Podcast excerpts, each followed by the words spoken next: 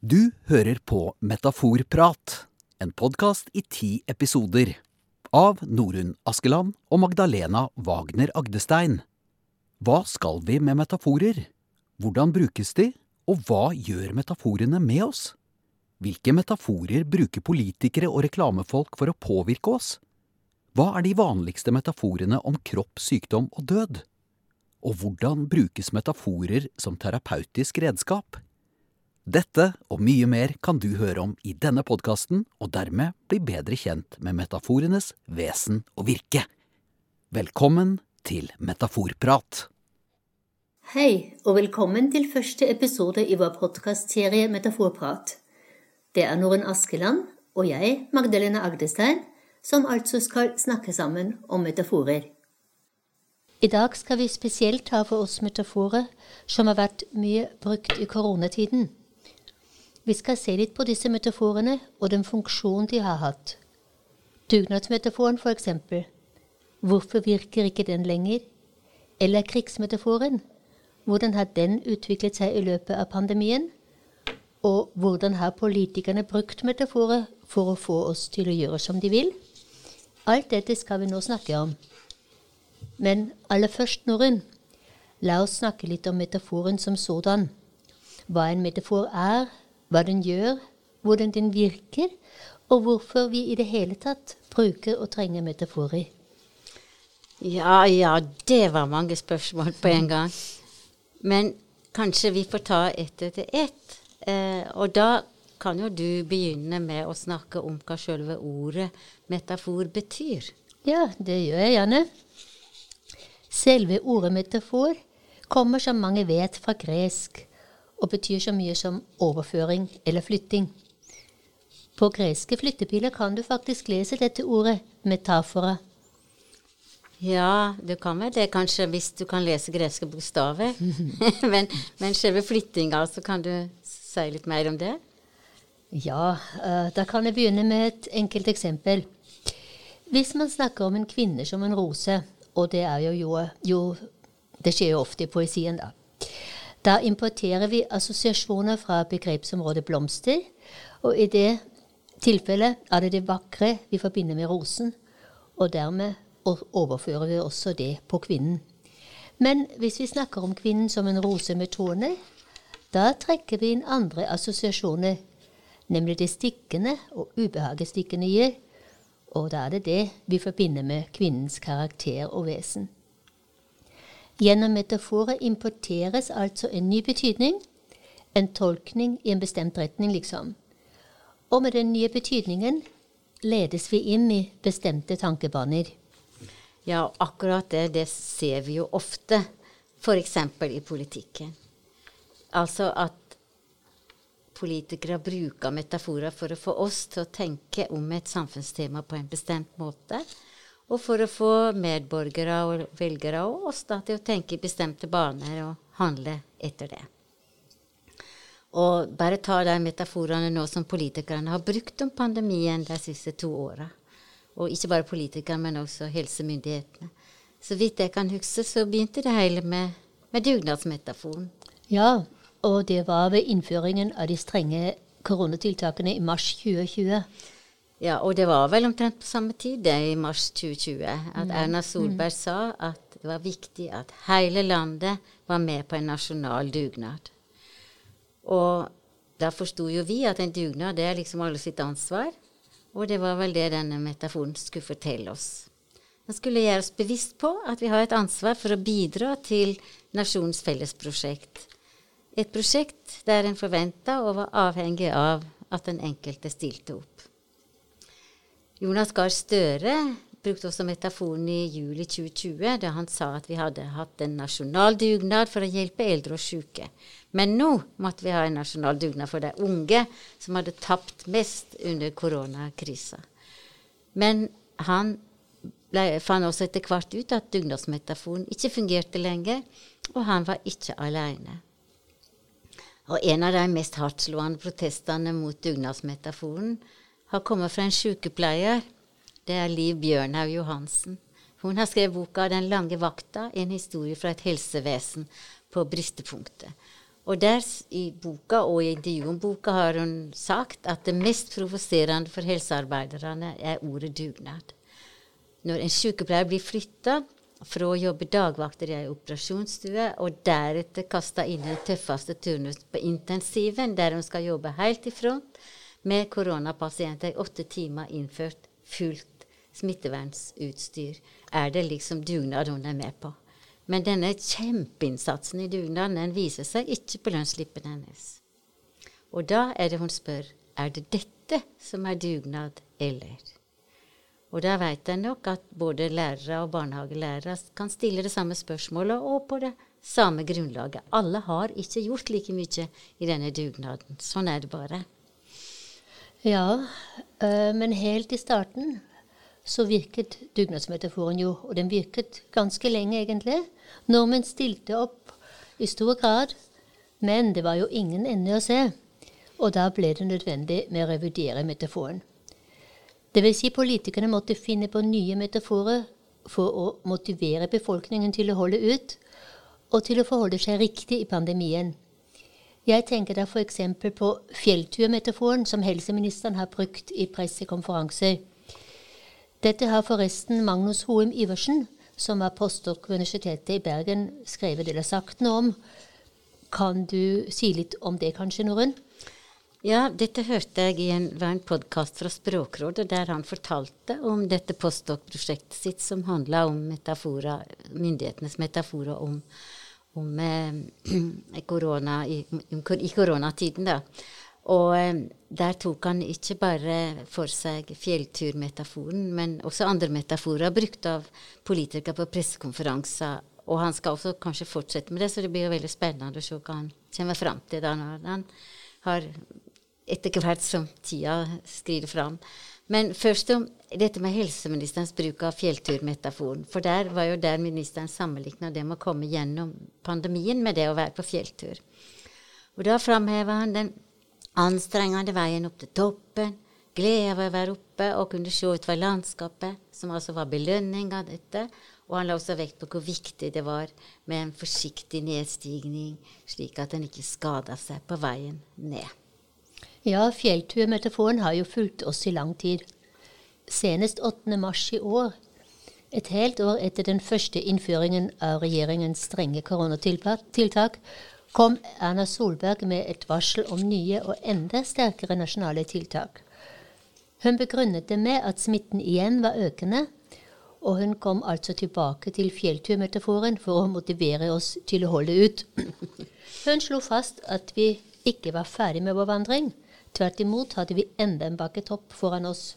En bakketopp til, sa hun, og at det trengtes sterke nasjonale tiltak for at vi skulle kunne klare det. Huff ja, Ivo, vi får nå, vi får nå inderlig håpe at vi snart ser slutten på denne slitsomme fjellturen.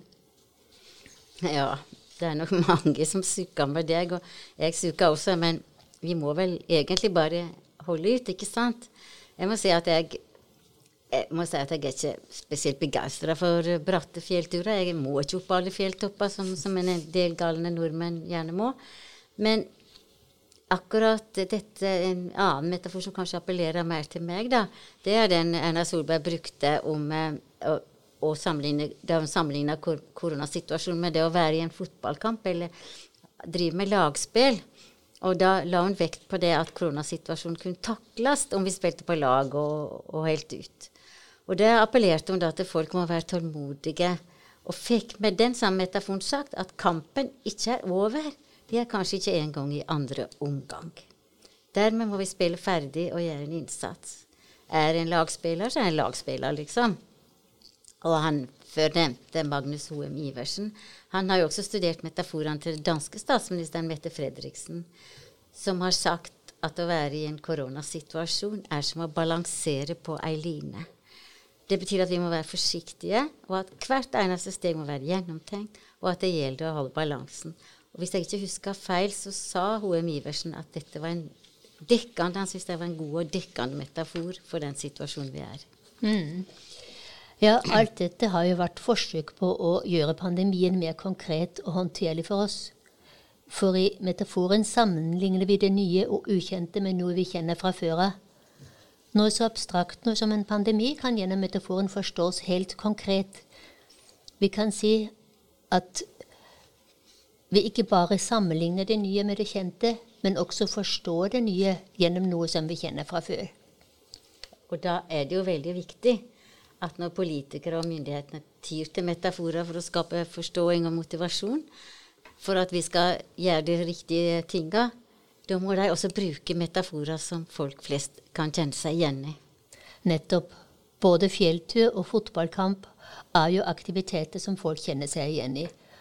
Og dermed bindes de også inn i et bestemt handlingsmønster. Alle vet at en fjelltur kan være anstrengende og slitsom, men at den fine utsikten på toppen er verdt turen. Med den fine utsikten menes i overført betydning, altså i vår sammenheng, at vi har oversikt over situasjonen vi befinner oss i.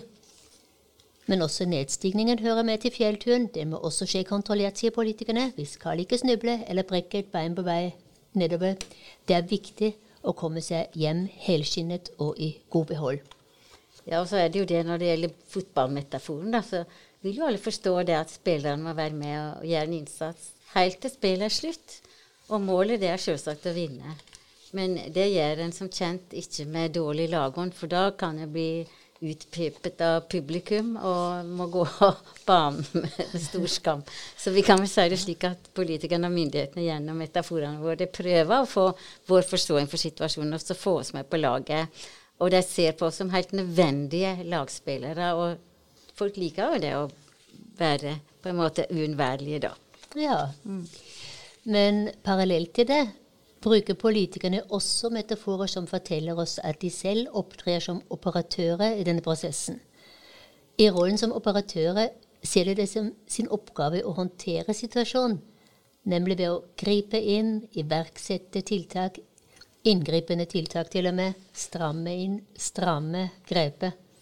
De bruker altså metaforer som klart framhever deres styrende og operasjonelle rolle metaforer som forteller oss at det er de, altså politikerne, som er generalene i den nasjonale kampen mot koronaviruset. Og da er jo vi fotfolket, da, eller vi er soldatene, vi som skal følge ordre? Ja, på en måte er det slik, kan du si. Nå er det slik at politikerne snakker gjerne så langt det går an om anbefalinger, men vi er også blitt påført strenge regler og ikke minst forbud som straffes ved overtredelse. Og alt dette forsvares med at viruset må bekjempes for å redde liv, og for at vi kan fortsette å leve som før. Ja, når du sier 'bekjempe', da høres det virkelig ut som vi snakker om kamp og krig. Ja, det er akkurat det vi gjør når vi snakker om virus, sykdommer og dermed om pandemier. Kamp og krigsmetaforer er jo høyst vanlig når vi snakker om sykdom. Så vanlig at vi nesten ikke legger merke til det at det er metaforer. Sykdom omtales både som angrep og som noe vi må bekjempe og forsvare oss mot. Bare tenk på ord som bakterieangrep, immunforsvar og sykdomsbekjempelse. Og pandemien omtales som en global trussel med viruset som en usynlig fiende. Og dermed forstår vi også situasjonen vi befinner oss i som en kamp. En kamp mot nettopp denne fienden. Ja vel. Også denne kampen mot selve viruset, da, det er jo en kamp som forskninga og helsevesenet har tatt seg av. Og en kamp må jo ha våpen.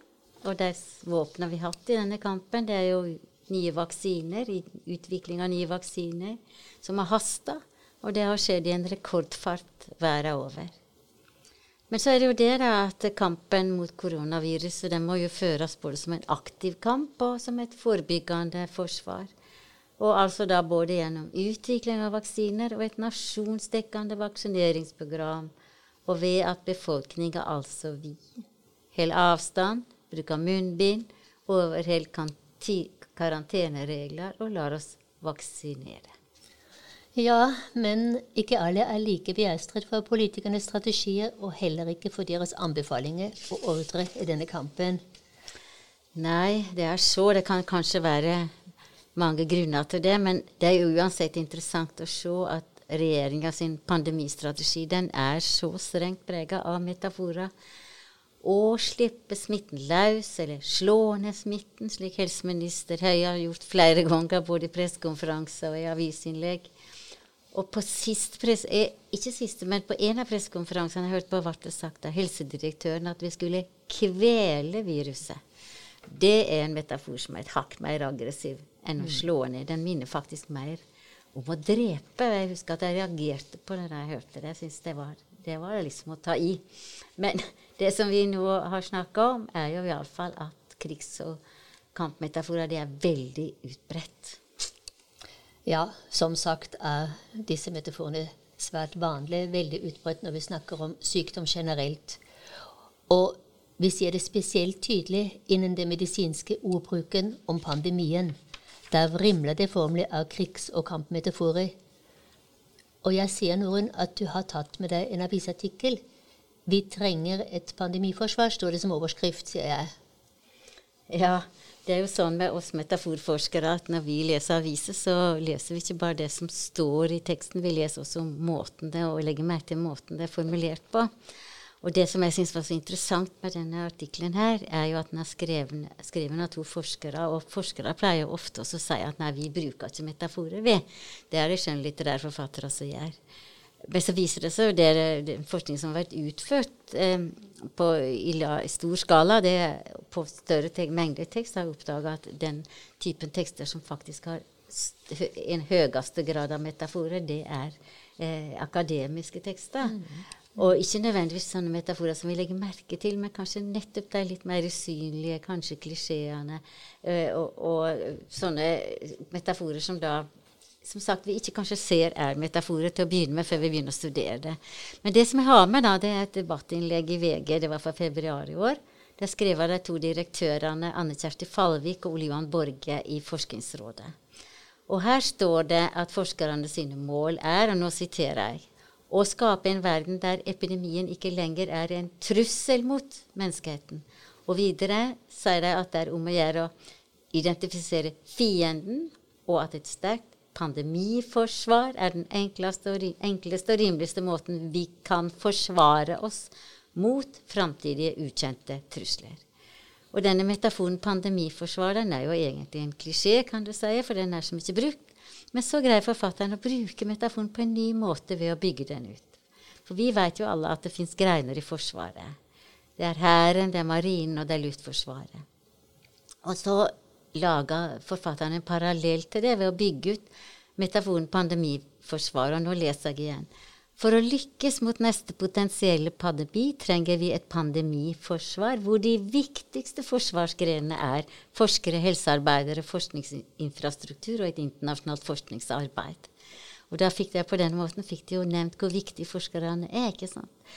Som det hører her, så er det masse krigsmetaforikk. Og det er altså bare noen av de krigs- og kampmetaforene som denne artikkelen er gjennomsyra av. Ja, krigsmetaforen står sterkt i denne eh, alt det vi sier om pandemien. Men sånn, så langt har vi jo fokusert på metaforer som brukes av politikerne for å få folk til å følge deres strategi i kampen mot viruset. Men la oss ta en titt på noen av metaforene som pandemien ellers omtales med, f.eks. at det snakkes om smitteutbrudd og stadig nye smittebølger. Både utbrudd og bølger leder tankene hen til naturkatastrofer. Når vi hører ordet smittebølge, ligger bildet av en tsunami som skyller innover landet ikke langt unna i vår bevissthet. Og ordet smitteutbrudd vekker assosiasjoner om en vulkan som begynner å røre på seg. Og dermed forstår vi både smitteutbrudd og smittebølger som noe farlig, noe som er på linje med naturkatastrofer. Ja, og En ting som jeg har lagt merke til, er jo dette ordet villsmitte og smittesporing. Det husker jeg at jeg stussa over første gang jeg hørte det. Eh, og jeg lurte på hva det var. Da jeg merket til at det ble brukt særlig i forbindelse med smitte i, i rusmiljøet. Men smittesporing og villsmitte hører til det samme assosiasjonsnettet som det å jakte på viruset. Og Det gir assosiasjoner til villdyr. Det handler om et dyr vi ikke har kontroll på, et dyr som kan angripe oss og som vi derfor må jakte på og uskadeliggjøre.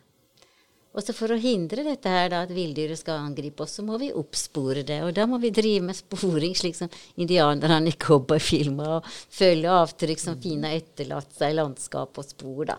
Og Målet med det hele det er jo å finne fienden og ta knekken på han.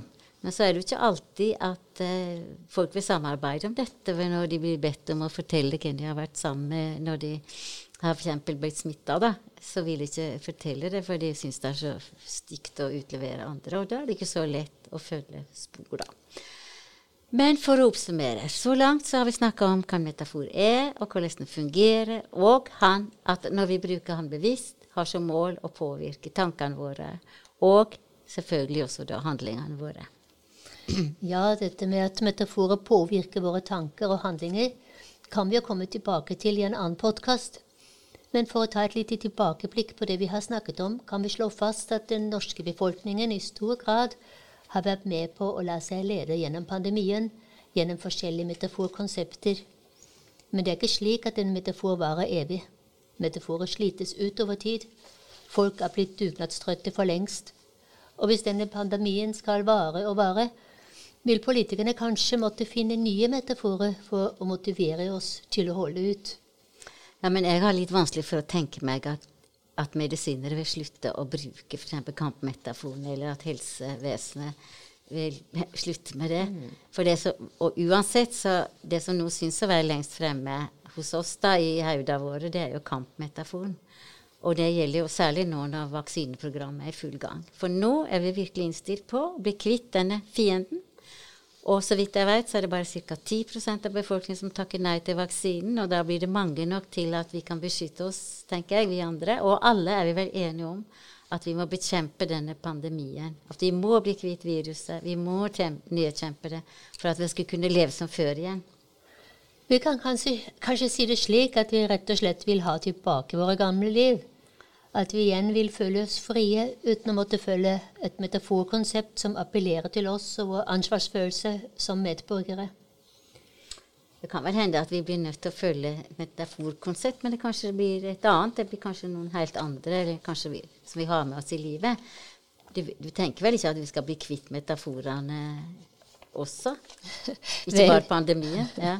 Vel, jeg tenker at når det hele er over, så vil vi føle oss frie som fuglen, og vi vil slå ut håret. Både de hårfagre og de flintskallede. Ja, riktig. Særlig lett når det er flintskalla. Men jeg, jeg, tror nok også at vi kommer til å være helt oppe i skyene, sjøl om vi står med beina godt planta på bakken, og er glad for at jeg har vunnet denne kampen. Tja, metaforene kan vi rett og slett ikke bli kvitt. Nei, det har du jo rett i, det. Og det fins jo heller ikke nok vaksine mot deg. Og dessuten kan vi ikke se bort fra at vi kanskje må over enda en bakketopp før vi endelig ser lys i tunnelen. Nå syns jeg du fråtsa litt i metaforen her, da. Men uansett så kan vi ikke klare oss uten. For vi vet jo at det gjennomsyrer hele språket vårt, og dermed også tenkningen. Det ligger jo i språket før oss. På en måte Vi arver det med språket når vi lærer oss språket. Og nettopp fordi at metaforen er så vanlig, så bruker vi dem ofte, kanskje ubevisst.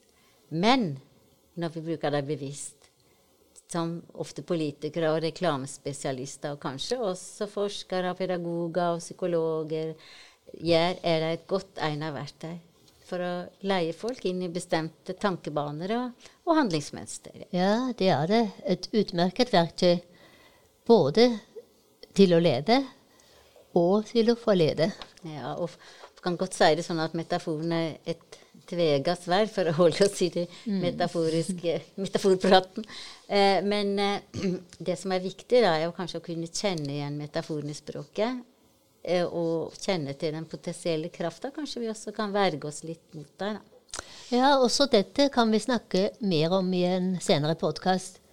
Men akkurat nå er det på tide å slutte, og takker oss for oss for denne gangen. Ja, og da får vi bruke enda en metafor, da. Og da får vi sette strek for denne gangen. Mm -hmm. Og så en ny metafor. Følg med neste gang også. For da skal vi ta for oss metaforer som blir brukt om abort. Og vi skal få med oss gjester som har forska på eh, kvinner som har tatt Og språkbruken hos kvinner som har tatt abort. Men i dag, for i dag så er det takk for at dere hørte på. Ja, da høres vi i neste podkast.